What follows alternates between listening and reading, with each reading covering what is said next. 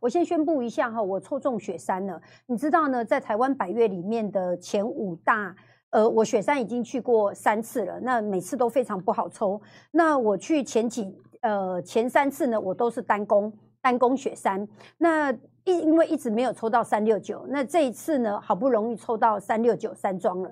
好，所以呢，四月十三号到四月十六号，好，那么呢，诶，我想做一个投票表决。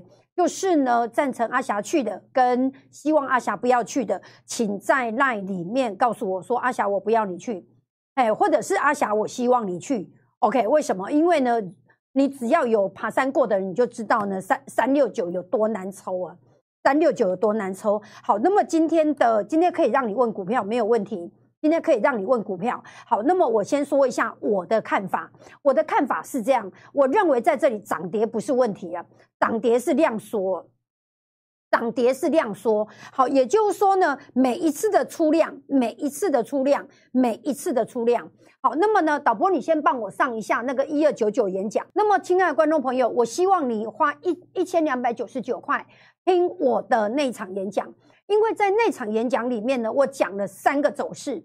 我讲了未来会有三个走势，好，就是你现在所看到第二项，第二项台股底部大探索，就是阿霞的讲座，哈，这是三月十八号那一次。然后呢，我我在那个讲座里面，我讲了三种走势。那现在呢，目前看起来是最不最不想要的。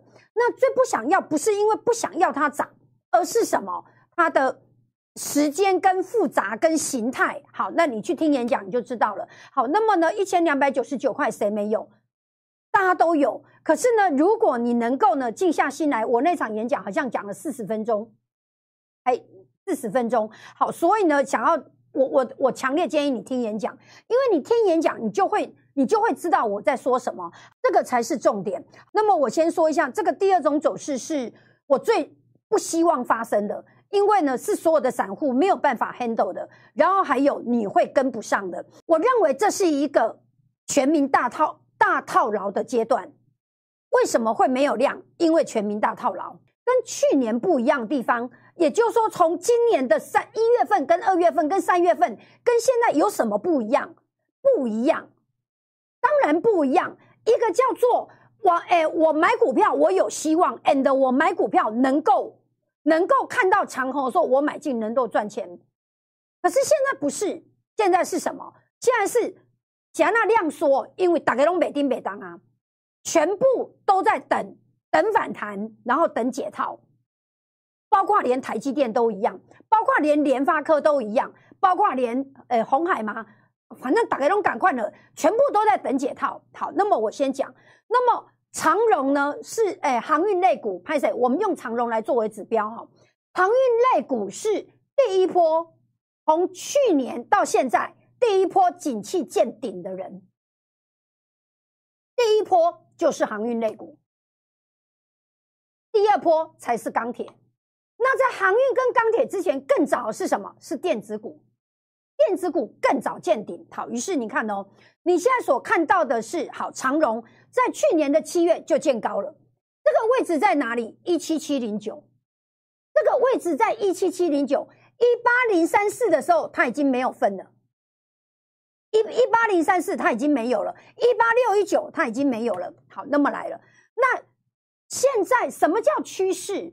所有人都最想问我是阿霞，现在下面跟这个趋势，今天涨一百九十点，我们要翻多了吗？我们要买股票吗？各位，我。你看我今天的标题，我今天的标题叫做“山顶上玩，有谁能赢 ”Part Two。为什么？因为我要带你来看的是，到底前面是什么在带领我们？到底前面是什么在带领我们？第一波不就是航运吗？那于是开始来。那你看哦，这是我所谓的最不喜欢的第二种走势，是各位，他看到红线的时候，他看到红线的时候，他看到量。好像看起来很有希望的时候，都是要套牢的时候。我再重讲一次，这就是长荣从一百多块、两百多块、三百多块这样下来的时候，看到有希望的时候，你买进的时候，你有三天可以跑，你没有跑就没有了。你在这里买进的都没有。我跟你讲，有多少人在这里买股票？很多，到后来是没有。然后在这里能解套，那现在回过头来又要在这里等解套。我的意思是说，这一次拉上来，这不是解套了，这是逃命。为什么？因为量变得更大了。这里的量呢，比这里还来得更大，所以呢，我说它它是一个全民大套牢的开始。为什么开始？因为有航运的在等航运的解套，比较少带你们来看的域名，有航运的在等航运的解套。这里呀，有航运的在等航运的解套。那最短期的呢？最短期的东钢，东钢在等解套。那我刚讲了一句话，我说你们为什么会开始跟不上？因为很简单的，例如说以我的以我的操作来说，因为呢逢高空逢急跌补，昨天我补东钢，你会开始有一个什么？有一个跟不上。我再随便举个例子，我在这里空，我在昨天一九三点五补，对啊，我今天在空什么？不能跟你讲了，因为可能明后天它急跌，我又补掉了，会变成它没有破断。那可是方向是什么？方向是向下的。那你以为这样子才刚才刚结束吗？没有，我跟你讲，我看了几个之后哦，我要讲的事情叫做我嘛做想呗，给给你一点希望。但是我真的发觉，这是一个全民大套牢的开始了，不是现在而已。自从去年的七月份，很多的小型股被很多的投顾老师叫过之后就丢掉，有没有？这档股票曾经有投顾老师认养一段时间过。是真的是真的，就所谓认养一段时间过，就是叫了一段时间，然后不对了就把它丢掉，然后呢，你不设停损的人呢就没有，就没有了。所以你看，回过头来看，他在过年线的这个红线是什么？超级漂亮那天，对不对？投顾老师叫了多少？然后嘞，就从那个点上，然后就是到现在。所以到底趋势是什么？我认为现在是一个全民大套牢的开始，所以。成交量的压在三千亿以下会变成常态，那变成常态之后呢，就开始各凭本事去做了哈。例如说，我再随便举个例子，有没有？有啊，在看到红线的时候，就是高点的时候啊。有没有全民大道？这这个都是耳熟能详，在当初他在好的时候，投顾叫的，对啊。外外外艺术做干单啊！外艺术得攻。如果在这里是一个每个波段都套牢一一一些族群，每个套牢每个波段都套牢一些族群，套牢一些族群。因为我认为指数是趋势，而指数被什么影响到？被台积电、联发科、红海。所以呢，我们就一定每天要看这些台积电、联发科跟红海。可是，在我们没有看其他那些股票的时候，不知道外面发生了这些事情。我我带你来看一个我最近超有感觉的，因为我很喜欢去保养买东西。可是我万万没有想到，因为我以为是疫情，那疫情松了之后呢，我们所有人都把目光放在呢美国股市涨，我们应该涨，所以我们就对台积电充满了期望，因为它影响指数，对吧？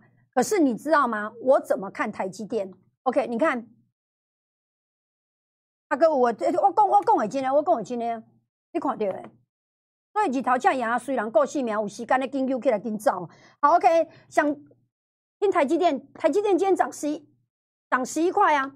所以呢，加权指数涨一百一十点，都它涨的啊。加权指数涨一百四十二点啊，它涨了一百一一十点啊。快点来，那因为台积电、联发科跟红海。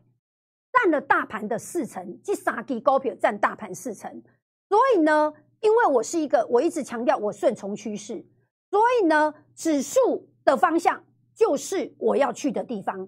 那既然这三只股票占了我要去的地方这么大的比重，所以我每天就讲它。可是，在我每天讲它的同时，有更多的股票崩盘了，有更多的股票崩了，而我们什么？反正我又没有，我干嘛去关心它？可是有没有人有？有百分之九十的投顾老师每天涨什么就跟你讲，他他的股票又涨了。所以你只要去看那个投顾老师每天都在讲不同的股票，然后就是涨涨涨。这种投顾老师占了百分之九十九啊！你可以了解我意思吗？那那那他每天都换呢？每天都换呢？因为他每天都涨不一样的啊。然后他讲的股票，他他喊的股票没有了，就把它丢旁边就好了。然后那些股票就盘跌，然后就腰斩了。我用这些给你看，我用这些给你看，你以为你在嘎空，其实你在套牢。这就是我今天的节目标题。你以为你在嘎空，其实你在套牢。这个盘在做这件事情，你以为你在嘎空，其实你在套牢。不可怜吗？有啊，能给那个家再来一次哦吼。你以为你在嘎空，其实你在套牢。会刚啊，来到月线，股价来到月线，什么？过去一个月买股票没有赚，这个叫这个叫月线。月线的意义是这样子的，所以有没有来到月线？有来到月线，叫做不鬼刚啊，你知不？不不归各位啊，因为战争而哎，因为战争而买进的人，然后因为报价而涨的，有没有赚？没有赚，全部都来到月线，那那还算强的，有弱的直接在下面走第二种啊，对啊，秀英现在走势走第二种啊。我之前讲过，就是呢，为什么外资能够一直把台湾股市当成提款机，就全部靠台湾股民一个傻。加权指数今涨一百四十二点，台积电涨十一块。我怎么解这个图？所谓的经济学是几行的推理，然后得到一个结论。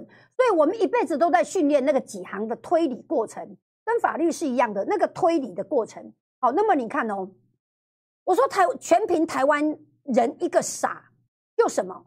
就是因为呢，用台积电控制了指数，他在这里可以提款，他在这里的提款六百多块的台积电，从这里提到这里，他的持股从这里降到这里了，台湾股民还给他六百多块，让他继续提款。我本来以为，我本来以为外资真心的对待我们。因为好不容易经过了一年的盘整，外资的持股也有变多，所以外资诚心真心的爱过台积电。他曾经、曾经、曾经呢，从这里卖到这里的时候，他曾经真心的爱过台积电。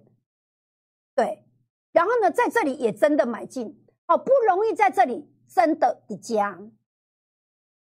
我不知道外资基于什么样的理由。然后从这一波到这一波，把持股猛的、猛的、猛的咻，就这样子直接什么，就直接把它从这里到这里。我为什么说台湾人傻？各位，你有看到外资买进台积电吗？从这里到这里的掌声，你有看到外资买进台积电吗？他光没有卖。就让台积电反弹，他光没有卖，又让台积电反弹，然后什么？你认为他会追高去把它买回来吗？这是第一个，这是逻辑问题。我都没有买，那股价就弹上去了。你是不是方便我？你更方便我卖，更方便我卖。所以，我都没有买。那它就弹上去了。那你认为我我会去认错？啊，拍谁拍谁？我进前都没掉啊！我赶快再把台积电从六百多块，然后再把它再把它做上去，还是什么？我有非常多的。你以为说哇，卖到这里已经不得了了？没有，外资持有台积电是多少？是百分之七十三点三七，百分之七十三点三七呀。它最高的时候是百分之八十几。百分之八十几，所以他的他的逻辑更更不是跟你呢，他已经卖了五六年了。所以我再把图缩小的时候，所以你看到了，哇，他赚了很多钱，and 什么，每次越卖越高。这一波呢，他没有他没有要把它买回来，然后股价就可以这样子从呃五百七哈就涨了五趴六趴。各位，请问你，你眼睛再把它打开一下，你眼睛再把它打开一下。打开！那是因为台湾的抗击一热，所以我才说一二九九那个演讲你一定要听。那你去听，因为那时候我有讲，我说总共有三种。那我最不希望第二种，我最不希望第二种。然后呢，我就讲了他的啊，如果第二种会怎样？我就把那三次的，我就反正我那那三种了。那目前看起来就是第二种了。所以呢，因为这个你只要有参加，你你你都可以回去再。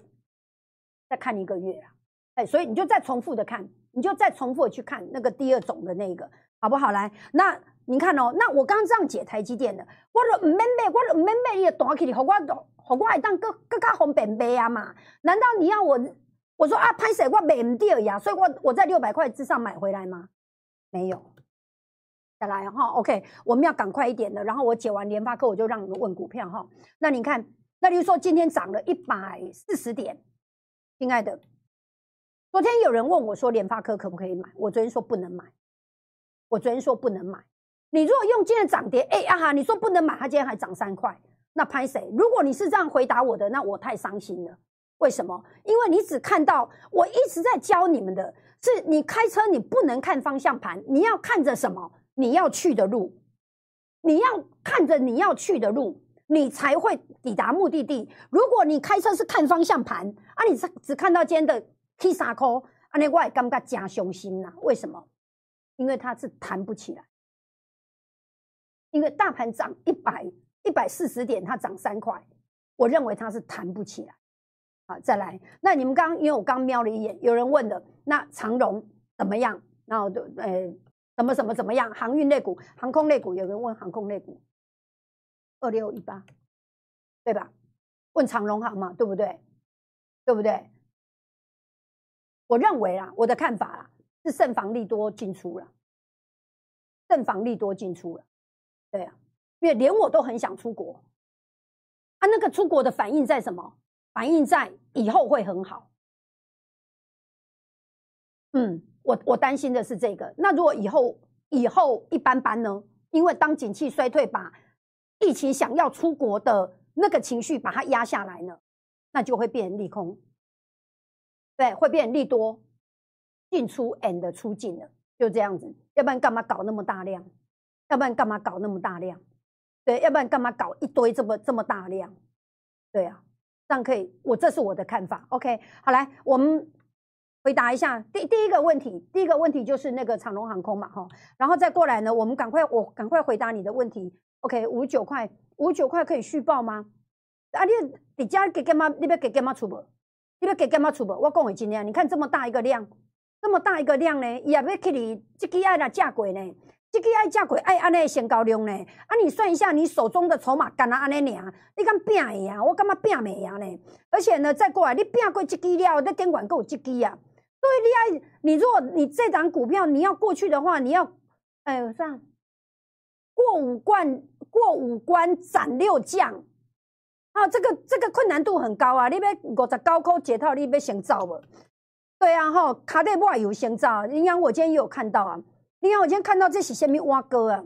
各位，我跟你讲，所以我刚刚讲说，山顶上玩有谁能赢？就是。你看到了哇，这个跳空缺口超级漂亮的哇，然后也从这里弹到这里了，你可以别看买呀嘞，啊，看看各位啊，你你有探寡贼啦，哎呀，那我会觉得，因为他们又在讲什么车用的晶片又怎样这样，那我是认为趋势不容易形成呐，一旦形成不容易改变呐，那我比较严重的怀疑啊，哈，比较严重的怀疑是，我认为从头到尾它早就都已经跑掉了。我认为啊，你看到，你看这个成交量，你看这个成交量，OK，好了，我们现在有线上，哎，快点，你们停留在五百五百六十一个，快点，赶快进来人都先帮我按赞，好不好？OK，你干嘛空心心呢？大安土著，你干嘛空心心呢？刚刚又讲不能空心心呢，那我讲的是真的，我空的是什么哈？我空的是南电呢，三一八九，我这我这一波了，这一波空的是南电跟锦硕，那么南电我操作两三次了，锦硕我操作两三次了。对，好，那我我先说一下，先教训一下哈，为什么不能够空信心？好，为什么不能够空信心？好，那么不能够空信心的原因是在于它还没有明显的多头。我跟你，我跟你说哈，我曾经空过资源，我曾经空过资源，这是真的。我后来自己非常的非常的反省，对，那真的这是真的。我空在两百四，然后呢，我就被嘎上去，我在最高点三百零五。再空一次，然后下来补掉，再来一次，就是这是真的，这是真的。然后呢，这次我在想要不要再空它，我就扒一下自己的头，没有明显的头，再来一次。所以有太多的股票跌，看得当好你空的啊，你随空随赢，你知不？随空随赢，马上赢，马上赢啊！随空随赢，这我讲给今天，随空随赢。例如说，你怎么知道现在的大盘不是在这里呢？你怎么知道现在的大盘不是在这里？你怎么知道现在的很多股票不是才刚在这里？所以去扛那种已经落啊，啊，叠加诶，啊，背背起你诶，哎，按一个月要也安尼，按两个月要也安尼，再来一次。我讲的真的啊，所以就是信心不要去空它。哎，啊，就你有空，空了，反正就找低点补，就找低点补。了解我的意思，所以要去扛一种弱的安尼啦。对了，要去空那个那个弱的。好，五四二五的台办，我怎么看呢？对，我我认为啦哈，我好多讲一句，我叫做你头呛痒痒，虽然够细命。如果假设这是一个景气衰退的开始的话，那么有很多的上市公司是比你更了解景气的。那么这时候呢，他一定不会跟你讲说：“哎呀，阿哈讲的太好了，这果景气我也觉得要衰退。”一绝对不是安尼，我刚来你保证，一绝对不是讲，嚯，这个查某太厉害咧，伊真正有法度，我一想的长我拢赶快，我嘛干嘛三个月要跟起一拜？这时候他一定是什么闷不吭声，股票拉上来什么跟造，跟造，你有看到不？对，就是这样啊！我认为现在就是这个阶段呐。那那会怎样呢？我还是再一次的说，你去，因为我当初在三月十八号的时候，我就把第二种走势，然后我就画了很多图，然后我说这种最差啊！我认为现在是第二种这种。哎，了解我的艺术嘛，所以台办买了哈。OK，三四四三的那个创意啊，赶快艺术啊，啊，赶快艺术，再重来是。这个这个位置像什么？你知道吗？这个位置像什么？你知道？哦，注意注意看了哈。创意好来，创意像什么？你知道？多底价，多底价借长龙啊，完全一样的位阶，完全一样位阶。那每个人的每一档股票走法会有点不一样，但是你会看到它一个反弹之后起来的加。安尼，所以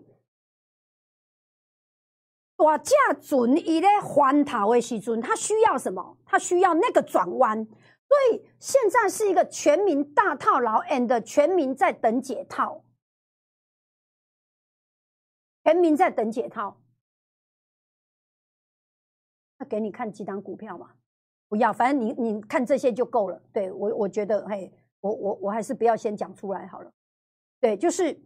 你就先看这几张股票，所以这个就跟那个很像，呃，就是刚那个创意嘛，哈，OK，好来，那大家有很多的疑问，哈，OK，我们赶快，然后赶快，你那问的拢这嘛，拢是这种啊，无互你问，哇，你拍过来了，更坚定空头啦。那平东时我带你看看台积，看看联发科，啊，即嘛你问的拢这个股票啊，拢家己问出来啊，啊，真正拢家己问出来啊，你看啊，这大量长黑啊。啊，所以这这种抖的日头像牙虽然够细命，你刚刚讲说啊，然后再盘一盘再上去，无啦，那大概跟还头照啊。所以如果你你你去想想看，做股票的人不应该是用你的角度去看，或是从间的涨跌去看，一定想过一想要安怎，对方想要安怎，一做想要开要不要门先走诶。所以很多的电子都全部都一根是，哎呀，腰斩该腰斩，哎嘛别安门啊。可以可以了解我意思吗？这啊这边呢讲，这对加入个加动量，你要反你要回升了，太有，这不是回升的量啊，这跟落落死，落死呀嘛，进前两百几块啊到加，有很多的股票呢是往下跌了之后，它用一天的反弹，然后就结束它。随便举个例子好了，因为这张股票，我我举个例子好了，跌很深之后，这真的是真的，因为我做过它三百多块。一路完全没有除权息哦，哈，潘谁啊？因为在告价告价，OK，就是它跌升之后，它会不会有涨停？会有涨停，会不会要要涨？要涨，它一定要涨，然后反弹去碰，然后可是问题是什么？所以到底什么叫趋势？亲爱的，你告诉我什么叫趋势？趋势是一个长期股价的一个长期变化。当你一个月没有看它，你再回来看它，哎呀破新低；当你两个月没有看它，哎再回来破新低。所以当这样的情况的时候，跌到再低你都不能买。再来一次，你现在所看到是大江，大江我是卖在这里的，这一波我做到卖在这里。回过头来，我能不能两破两百去买？不行，因为这个叫趋势。所以再来一百九可不可以买？不能，这就叫趋势。对我今天要教你的是什么？叫做趋势。对，不是股价看低你就买，但我就太伤心了。平常我都白费我的心思在教你们了。对，你要开车，你想从台北开到高雄。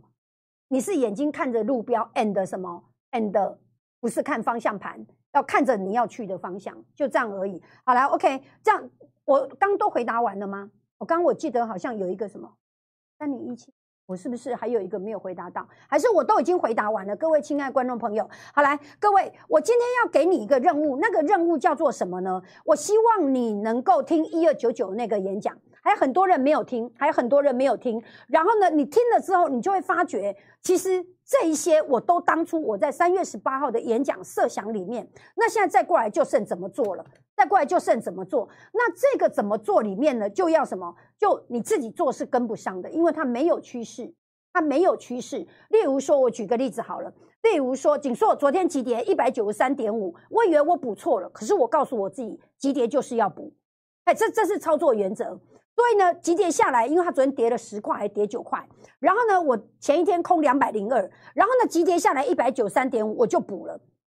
对，我就把它补了。我补了之后，它就还往下跌哦，好像还破一呃，到多少？到一百九。然后我在想说，哎，我少赚了三块半，是真的，这真的。我跟你讲，我的心情跟我的，我我我我的我的心情跟跟你们是大家都一样的。嗯，我想我补错了，啊，没关系啦，就是要补，这就是操作原则。那时候我在盘中这样跟我自己讲，我补完了，对，你知道我意思吗？补完了，然后呢，我上面写什么？先卖后买。所以策略上什么是先卖后买？这时候谁会比较辛苦？谁会比较辛苦？被台积电控制指数，就这样子，对啊，就就把它凹过去就没事了。为什么？因为它就是一个反弹。你看到其他的外资的策略，蛋黄、蛋白全部都慢慢在崩的时候。对你就会知道你在正确的路上行走了，这样可以了解吗？好，OK。那么我现在已经又超过六分钟了，非常感谢所有的观众朋友，你把你宝贵的时间给我。今天的节目我认为还挺重要的，因为我带你去看的都是平常我没有空带你去看的那些走势。你们今天所问的这些股票，也刚好都是。都是嘿，你淘气压虽然够性嘛，那些拉上来就想跑的。好，非常感谢，我们现在有一千三百多人，然后有六百多个赞。我希望呢，能够明天我醒过来的时候有两千个赞。哎，对啊，就明天我们要上这个节目，明天的两点半，好不好？最后我有一个问卷呢，叫做呃，我四月十三号到四月十六号，我抽中了雪山的三六九山庄，所以呢，我准备要去。那我想听你们的意见，我想听你们的意见，阿霞去还是不去？哎，去雪山还是不去雪山？然后以前我都单攻，我雪山单攻。那这次因为有三六九，所以我可以雪山下翠池。OK，好来，那呃要听演讲的在这里报名，然后呢表达呃你对阿霞对要不要出一趟门去爬百越，这个也表达你的意见。我想听你的意见，因为你是我非常重要的粉丝。感谢您今天的收看，我们明天两点半再见，拜拜。